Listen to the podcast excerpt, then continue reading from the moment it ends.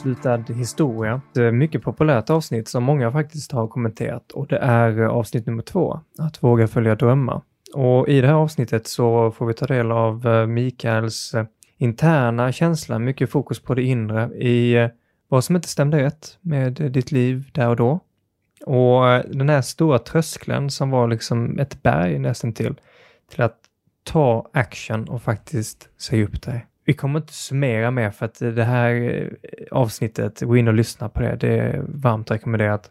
Dagens konversation handlar mycket om eh, det här fröet som såddes och vad det var som fick fröet att börja så från första början. Så eh, den här konversationen, den blir spretig. Den, vi tar höger, vi tar vänster. Någonting jag verkligen uppskattade var för att jag känner att här lärde jag känna Mikael hur mycket mer som helst. Så med på dagens avsnitt av eh, fröet som grodde till eh, drömmen.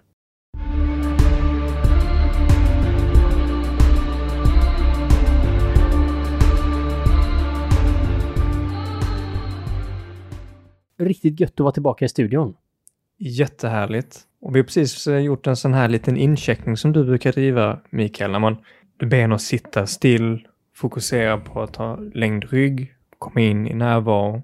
Och det får ju mig att tänka tillbaka lite grann på vårt andra avsnitt. Det här med att våga följa drömmen och du tog oss med på den här känslan om att äh, du har gjort ditt där du jobbade då. Att äh, det var inte rätt pusselbit för det pusslet just då. Absolut, så var det.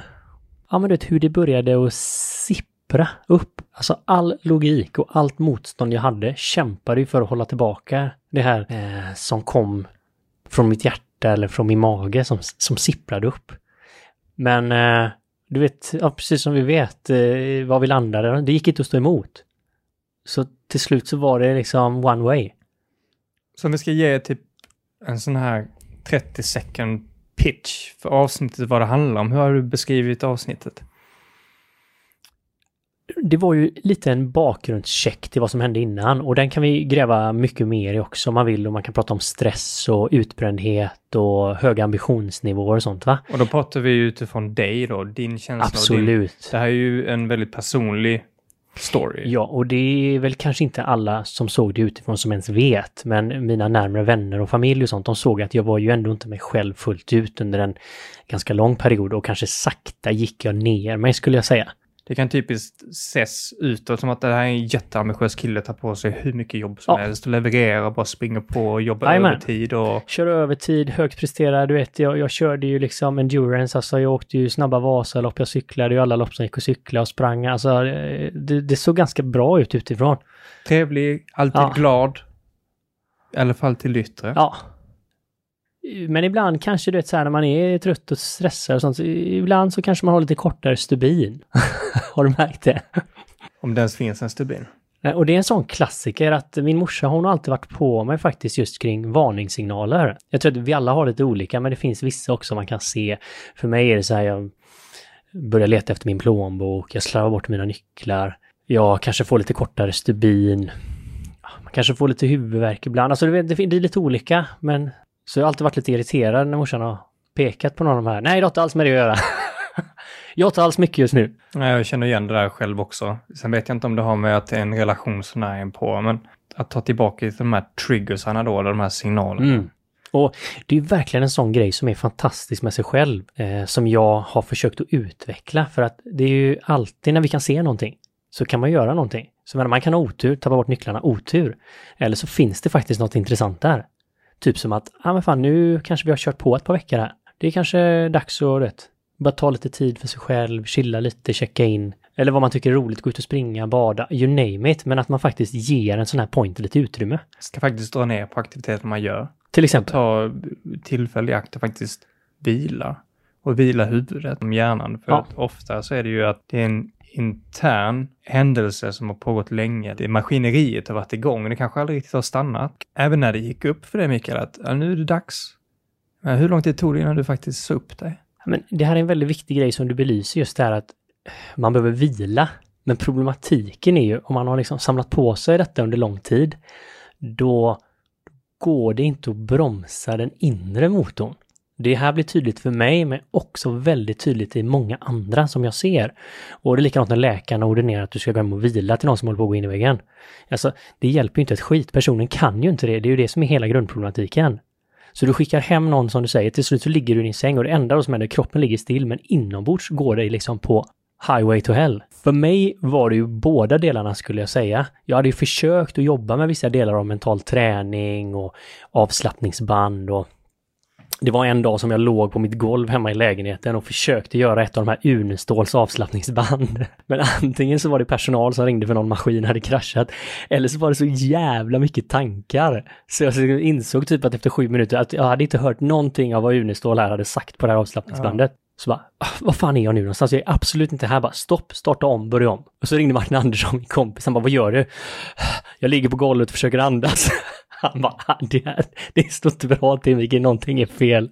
Ja, men det är en lustig känsla det du beskriver, för att det är ju det värsta egentligen, när man, man känner att man, jag måste ta en break, man tar sig tid, energi till att ta den här appen eller den här YouTube-videon, den här ljudfilen för att liksom ändamålet nu är att jag ska behöva slappna av. Jag behöver det. Och det spelar ingen roll, typ alla yttre faktorer, för att det är den inre som får en att inte göra det. Det är det som är det tråkiga ibland, att när det väl behövs så är det för sent? Ja, det kan vara då det är den stunden, eller det är lite motstånd. Man får också tänka så här, hur mycket tid har man gett till andra? Om du har gett det fem veckor eller fem år eller 15 år, alltså det är olika. Men sen ska man då med ett eh, 12 minuters avslappningsgrej på YouTube, ska man fixa detta? ja, ja, och så testar du 12 minuter och sen har du gett upp och det är waste of time. Det är inte så att man gör det en gång till. jag tror att för mig så blev det så tydligt att det här avslappningsbandet, det behövde bli något mer drastiskt. Det behövde bli en fullständig förändring in liksom på djupaste cellnivå och på alla moment i det yttre. Så det var egentligen det jag började rösta för. Att eh, ja, göra mig av med alla mina grejer, hyra ut det som jag inte kunde sälja och eh, sticka helt ut i det okända. När du gjorde det här beslutet, kom du på dig själv där att ja, men jag måste göra en radikal förändring. Var du inspirerad av någon annan som är samma? Eller sett någonting, läst någonting? Eller var det någonting som du helt bara intuitivt kom på dig själv? Jag läste en anteckning häromdagen i min eh, bok, i min, eh, vad heter det? Anteckningsblock, dagbok. Dagbok. Ja. Att jag var så oerhört tacksam för alla som hade stöttat mig. Liksom att jag hade aldrig kunnat komma till Indien själv. Både familj och vänner och folk på jobbet och även professionella coacher och psykologer, liksom alla på sitt sätt hade liksom gjort utrymme för att detta skulle kunna hända. Men det var ändå extremt tydligt att jag var tvungen att stå vid rodret, för de flesta förstod ju inte. Man blir ju orolig och nervös. Varför skulle jag göra det här? Det var inte riktigt logiskt.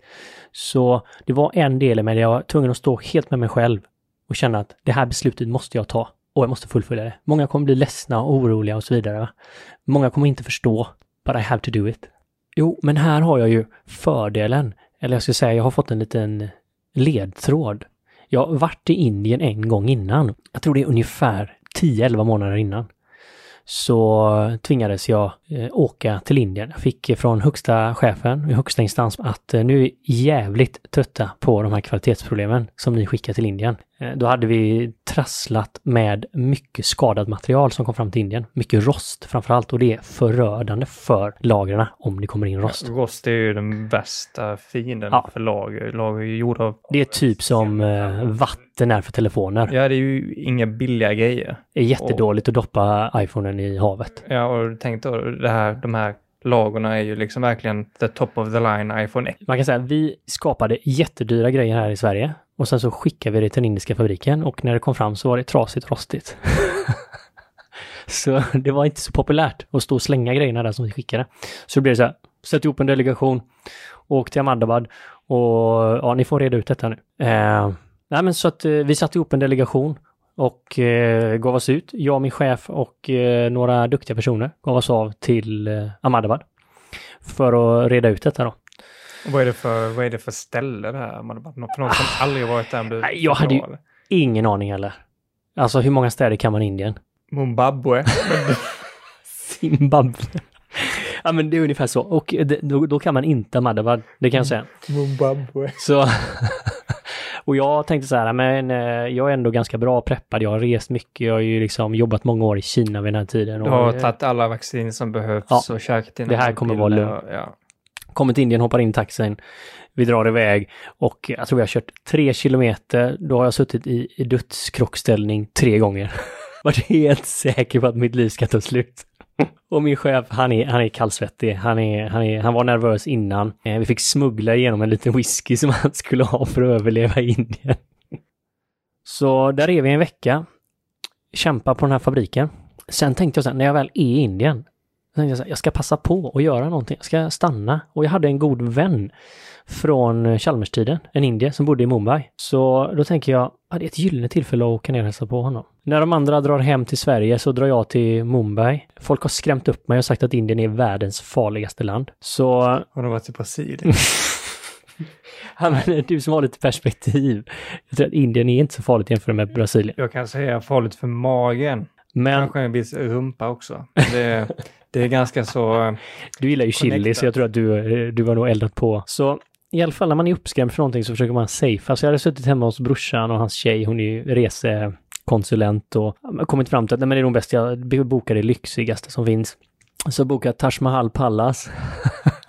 det där gamla brittiska imperiehotellet som ligger Jag i hörde hamnen i Palats. Liksom. Ja. ja.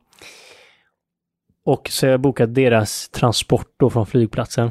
Eh, En transport som ja, nu kanske skulle kosta typ så här 30 spänn. Gick vi på 950 eller någonting med den här eh, Taj Mahal Palace taxin. Skulle jag. Ja, de visste vad de skulle göra. Men det var, det var service på en nivå som var Obeskrivlig. obeskrivlig. Ja, det kan jag också tänka mig. Men jag kommer dit och jag är ju trött lite som varit inne på.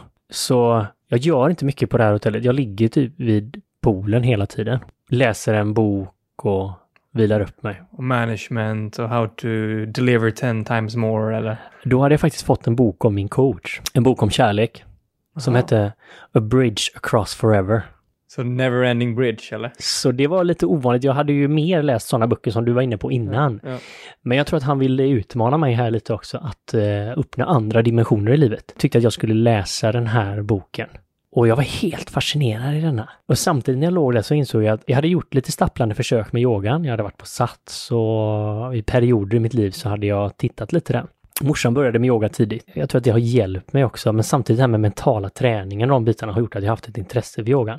Man kan ju känna sig att man blir stämplad om man utför en aktivitet och fan håller du på med yoga, du, du är man liksom. Står där i, i dog style.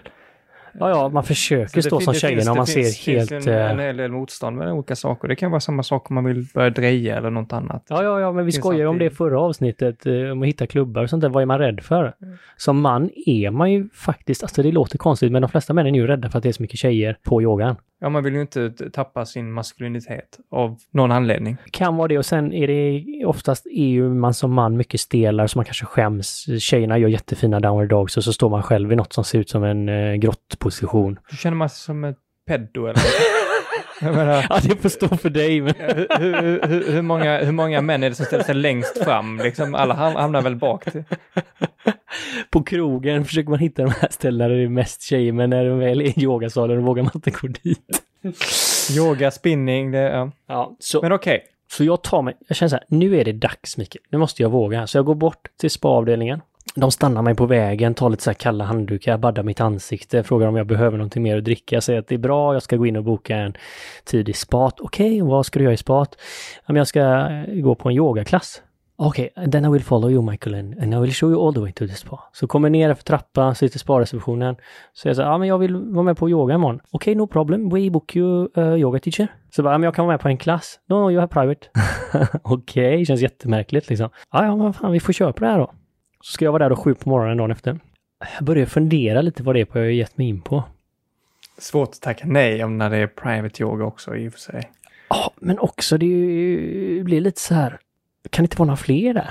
Ska vi, liksom, ska vi inte vara, du vet, som på Sats, 15-20 pers? Kommer jag dit ner så står Prabat, tar emot mig. Vi går upp till mitt rum, säger han. Och det jag försöker bonda lite med Prabat och, jaha, så du, du är yogalärare liksom. Vad, vad har du gått in kurs? tänkte jag skulle säga. Han hade gjort, Äta på YouTube. ja, lärt sig lite på YouTube och, och gått någon sån här två veckors intensivkurs. I have studied seven years university. Jag bara, vad sa du, sju veckor universitet? Det är två år längre än en civilingenjörsutbildning. Helt sinnessjukt. Så jag verifierade detta tre gånger och frågade om jag verkligen hade hört rätt. Han, För jag- den här killen, vad fan, han har ju tappat det helt. det var ju det han Den borde... Mikael. Han borde ju tycka det, men du vet, han visade mig ett, redan typ från första början här så visade han ett ledarskap som jag aldrig hade mött innan. Hur han tog emot mig, hur han bemötte mina sådana här konstiga frågor. Och sen då när vi skulle börja så han bara, du kan börja sätta dig Mikael. Ja, det, sket ju sig direkt. Jag kunde ju inte sitta. Eh, Jag skulle sitta så här som man sitter på dagis med eh, vaderna ner mot marken. Alltså att man sitter på knäna. eller? Ja, man sitter på knäna och så vinklar man bak fötterna och så sitter man ju, hälarna möter ju eh, rumpan. Okej, så man sitter på benen Ja, kan man väl säga. Så du kan sätta dig så här. Och det, halvvägs ner så kände jag så här, det här, det här är helt omöjligt. Det, det gjorde ju så pip ont överallt. Be, fötterna var för tajta, låren var för tajta. Han bara, no problem Michael. We get some pillows. Så hämtade han alla kuddar som fanns i rummet, försökte modifiera. Det räcker inte. Jag ser ut som en mumie typ inlindad, du vet. Och det förändrar ingenting för honom. Så han bara, no problem. Från och med nu kan du sitta fem minuter varje dag. Snart kan du sitta. Inga problem Micke. Och jag var så jävla frustrerad. Hur kunde jag göra så här mot min kropp? Hur kan det bli så här jävla illa? Jag är ju bara 30 32 Dömande. bast. Så, alltså jag stod med piskan på mig själv. Och han bara, fem minuter varje dag, snart sitter du. Jag ser det på din blick där, men det såddes ett frö inom mig. Lite fundering också på, du gick in på det här med hans ledarskap och någonting du kände av direkt. Vissa individer känner man bara en, en viss aura. Det kan nog vara inom vilken typ av verksamhet eller krets som helst. Man känner vissa är bara ledande. Mm, exakt. Du var inne lite grann på det här. Jag hade velat ta tillbaka det typ till det första mötet när han möter dig och ni ska gå till hans rum. Hur var det han bemötte dig där? Var det någon typ av respekt eller känsla? Hand, handtag eller handtag eller klapp? Handtag, klapp eller Kyss. kyss. Ja, det var kyss.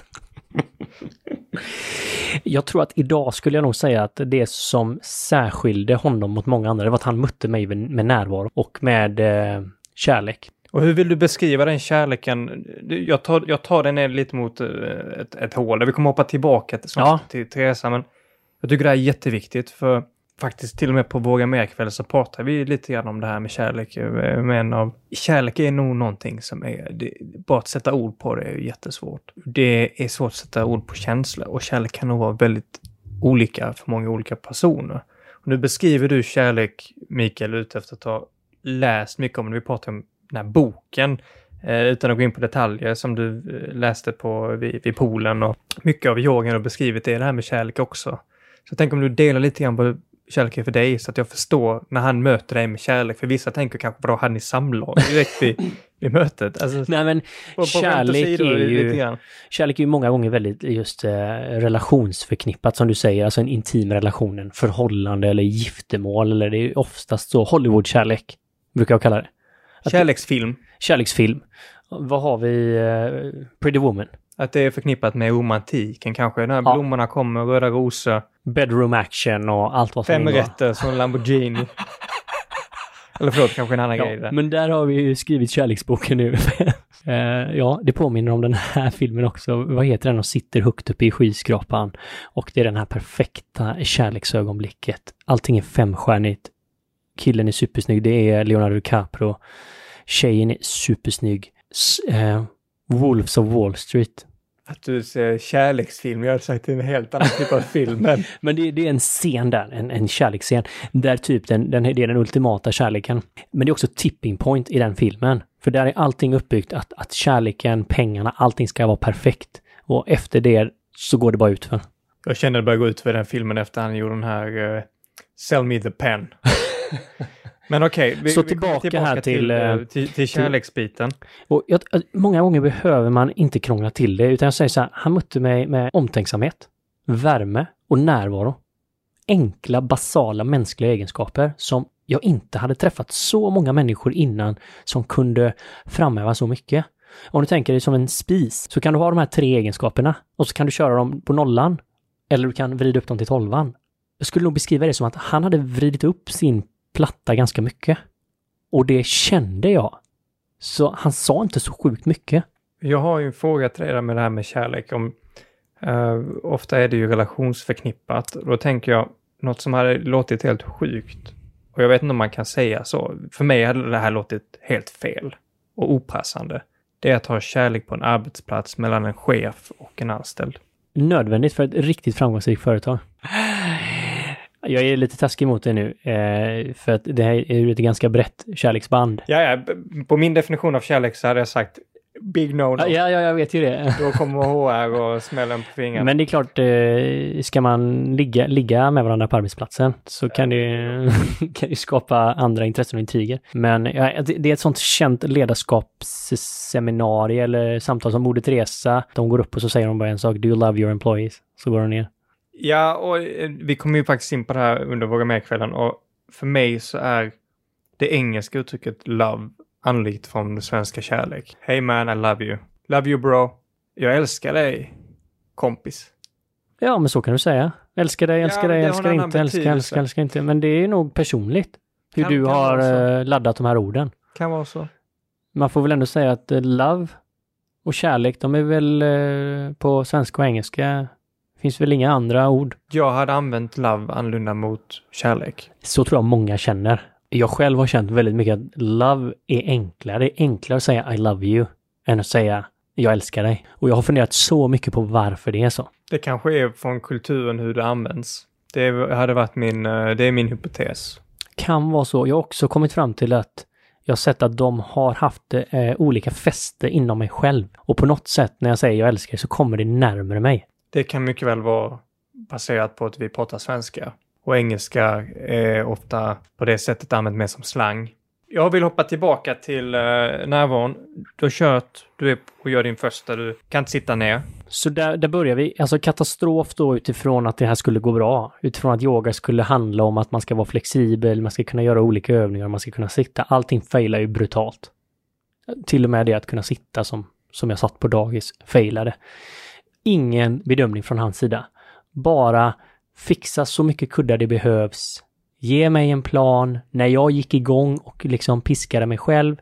Chilla Mikael. Sitt fem minuter varje dag. Inga problem. Träffades vi varje morgon och det var ungefär samma. Han stretchade mig alltid lite, alltså flyttade fram mina positioner lite grann.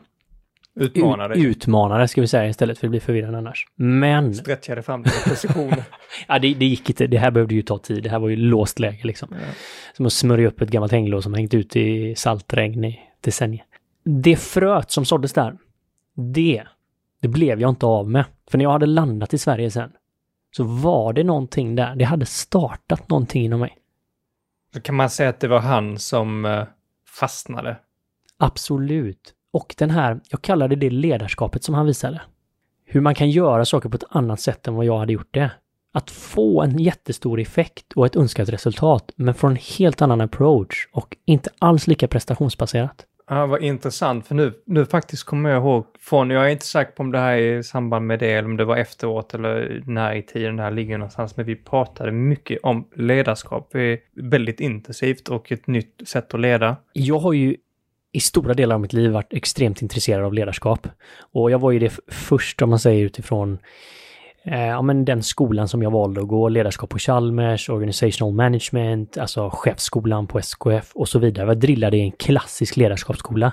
Jag vill ju ändå påstå att den var modern, den var med hjärtat, med kärlek och att bygga med människan.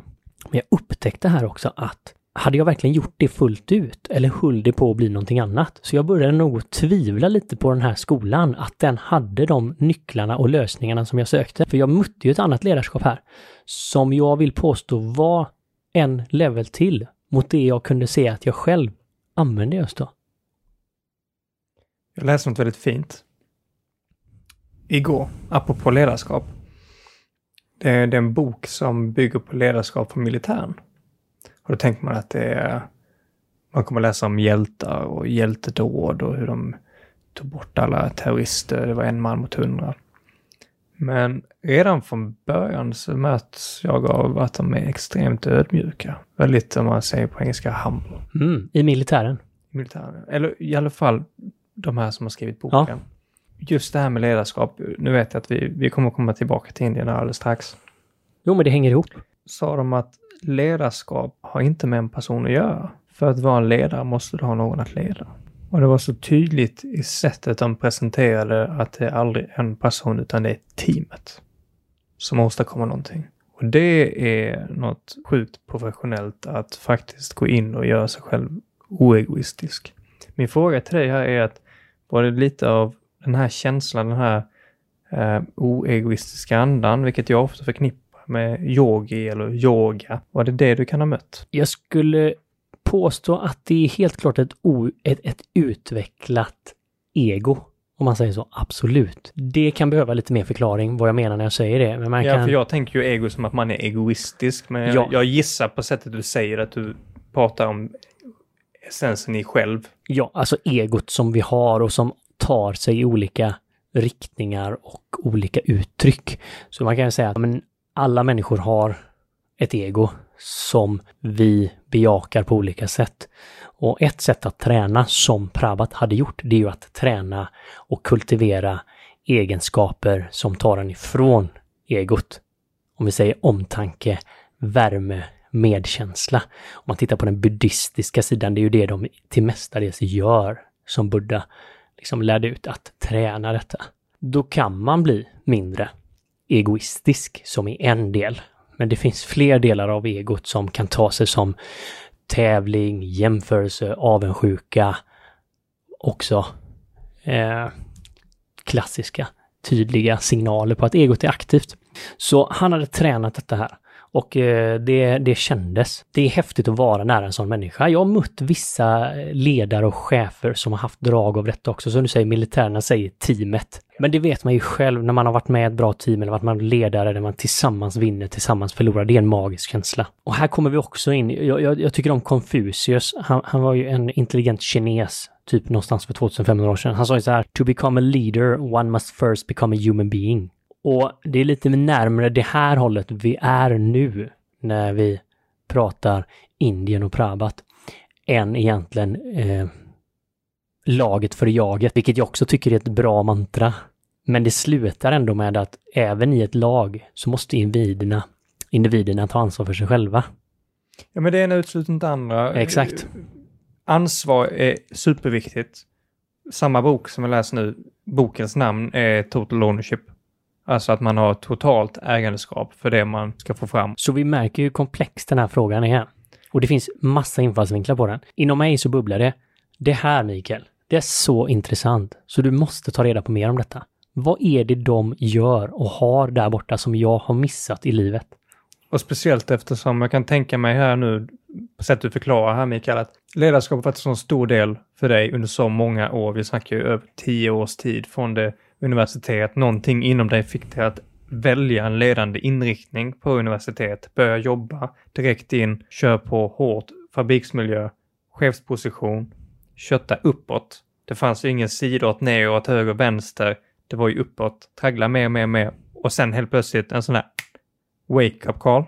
Jag ska inte säga att toppen kom närmare, den var fortfarande sjukt långt borta, men jag ändå kunde se om jag satt högst upp på toppen där och skulle vara vd för Volvo eller för SKF eller någonting då som hade varit mina idoler. Hade det löst grundfrågan? Och när jag började tvivla på det, då blev det en tvärvändning. Och hade det gjort mig lycklig, då fick jag en spricka i kristallen. Min fråga är egentligen, kan man leda utan att vara lycklig? Men jag tror man kan säga så här, jag, eh, som Karl sa i förra avsnittet, så, så, så tittade jag i Mona Sahlin-spegeln. Åh, oh, Mona Sahlin. Såg du någon rövhatt där eller? ja, men jag såg ju det i mig själv. Det är det som är så Det var jävligt. det jag syftade till. Jo, jag vet ju, jag var tvungen att säga det högt. När det, när det gnisslade lite där, det gnisslade lite där. Och, eh, det var svinhårt att erkänna det, eh, men det var ju också mycket nödvändigt. I Indien, blivit utmanad. Du kört med yoga nu varje dag i hur många dagar? Nu när vi är här på lyxhotellet, Ja. ja men det var en kort, jag, jag tror vi träffades fyra månader, eh, han och jag. Och sen, eh, sen skulle jag ju vidare till, till Sverige. Till verkligheten. Ja, så, så, men det, det är liksom ett, ett fragment, men ändå så, så landar jag hemma med den här känslan. Och jag kommer ihåg att jag frågade honom om lite boktipp. Och jag kom hem och så hade jag en sån äh, längtan att jag måste få tag i Prabhat. Så jag låg och grubblade på detta i kanske två veckor och började snacka med några kompisar. Och världens enklaste grej egentligen, men de bara, de har skickat ett mejl då. Ah, jag vet inte om jag kan, om jag vågar. Men en dag så bara, nu ska jag mejla Pravat. och så mejlade jag honom. Vad tror du hände? Jag tror inte han svarade. Nej. Det är så, du är så jävla smart. Så där stod jag på egna ben. Fan också, min yogalärare svarar inte. Ja, vad han ska göra nu. Men det är så, ibland behöver processen jobba och saker behöver, man behöver stå på egna ben. Så jag körde ju på ett tag där, men som vi vet då, så... Så vad jag hör här är att det här är hela uppbyggnaden till episod två, att våga följa drömmar. När du beskriver känslan att du vet och förstår att någonting stämmer inte. Du har fått försmaken här på eh, indiskt ledarskapet från yogan. Säger jag fel om jag säger att det här var ett av fröna som fick dig till att ta action? Det är absolut ett starkt call to action som händer här. Det är på något sätt ett skifte till synes utifrån, ganska litet, men inombords så är det ett ganska stort skifte.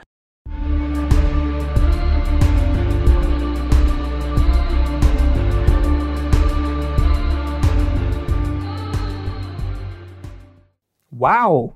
Mikael. Ooh. Alltså, en tanke som gick från att uh, nu kör vi vidare i Indien, ledde in till att uh, det var så mycket som bygger upp till att faktiskt uh, Säg upp dig och hela historien till innan var, var det här föddes någonstans. Det här gjorde till någonting som blev jättestort. Fantastisk resa att hänga med på, eh, sjukt inspirerande och, och det här med att, att, hitta de här små detaljerna nu förstår jag med utifrån ditt perspektiv, det här med hur intresserad du är av ledarskap, hur, hur lång tid du, du, har faktiskt studerat detta ämnet. Om man vill eh, få lite inspiration här så finns ju faktiskt Volition också. Kan inte du dela någon ord med vad Volition finns till för och hur Volition kom till? Volition kom till utifrån stora delar av det vi har pratat om idag när det gäller ledarskapet. En eh, avsaknad från min sida i det traditionella ledarskapet. En eh, vision om att eh, lägga till de bitarna som jag tyckte saknades och det som jag lärde mig i öst.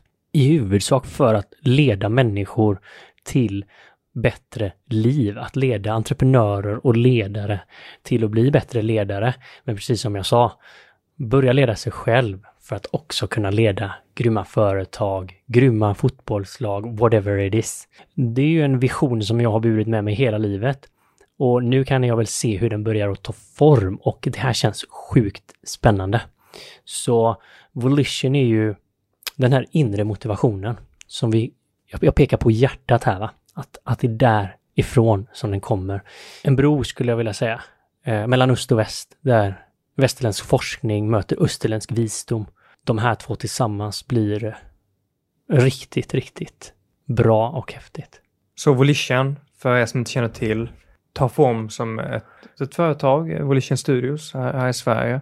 Bästa interaktionspunkten, är det Facebook, är det LinkedIn? Var hittar man? Eh... Men idag gör vi mycket saker då som till synes kanske inte alla kan se ut som ledarskap. Utbildar ju mindfulness, yoga, meditation, både till företag och eh, privatpersoner.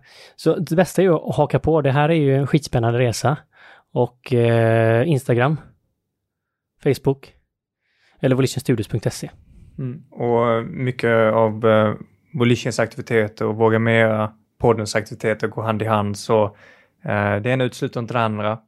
Nej, jag menar, du sitter ju här också för att jag kommer ihåg första gången du kom till mig och hade en trave med ledarskapsböcker och bara det här måste vi analysera Mikael. Och jag bara sjukt cool kille, ung, erfaren och modig att utmana. Och jag måste säga lite av mig under det här samtalet känns som att Prabhat har varit närvarande här och jag är väldigt tacksam för det. Det har varit oerhört roligt att prata med dig och din förmåga att eh, känna in historien, hjälpa mig på traven i historien och eh, ställa riktigt härliga frågor. Det, det är lite av den känslan som jag försökte beskriva när Prabhat hade skruvat upp sin spis. Så tusen tack för det. Ja, my pleasure, verkligen. Eh, superspännande att ta del av detta. Och här tycker jag att vi, vi bjuder in till er lyssnare också. För att här finns det så mycket spännande frågor generellt. Så har ni frågor till Mikael om just eh, det här avsnittet, det här fröet och vad som fick Mikael att hoppa på tåget kan man ju säga. Kommentera det här nedan. Så ser vi till att baka in det. så tar vi det lite grann av, av er feedback också. Many Brians are better than one. Så tack för att ni lyssnar på dagens avsnitt. Glöm inte att gå in och eh, likea Våga Mer på Facebook så tar ni del av alla nya uppdateringar. Och för er som eh, känner att ah, det här var grymt, men gå in och, och lämna en schysst review på Apple Podcast. Eh, det gör så mycket för oss och det gör så mycket för podden. Eh, så ses vi igen nästa onsdag.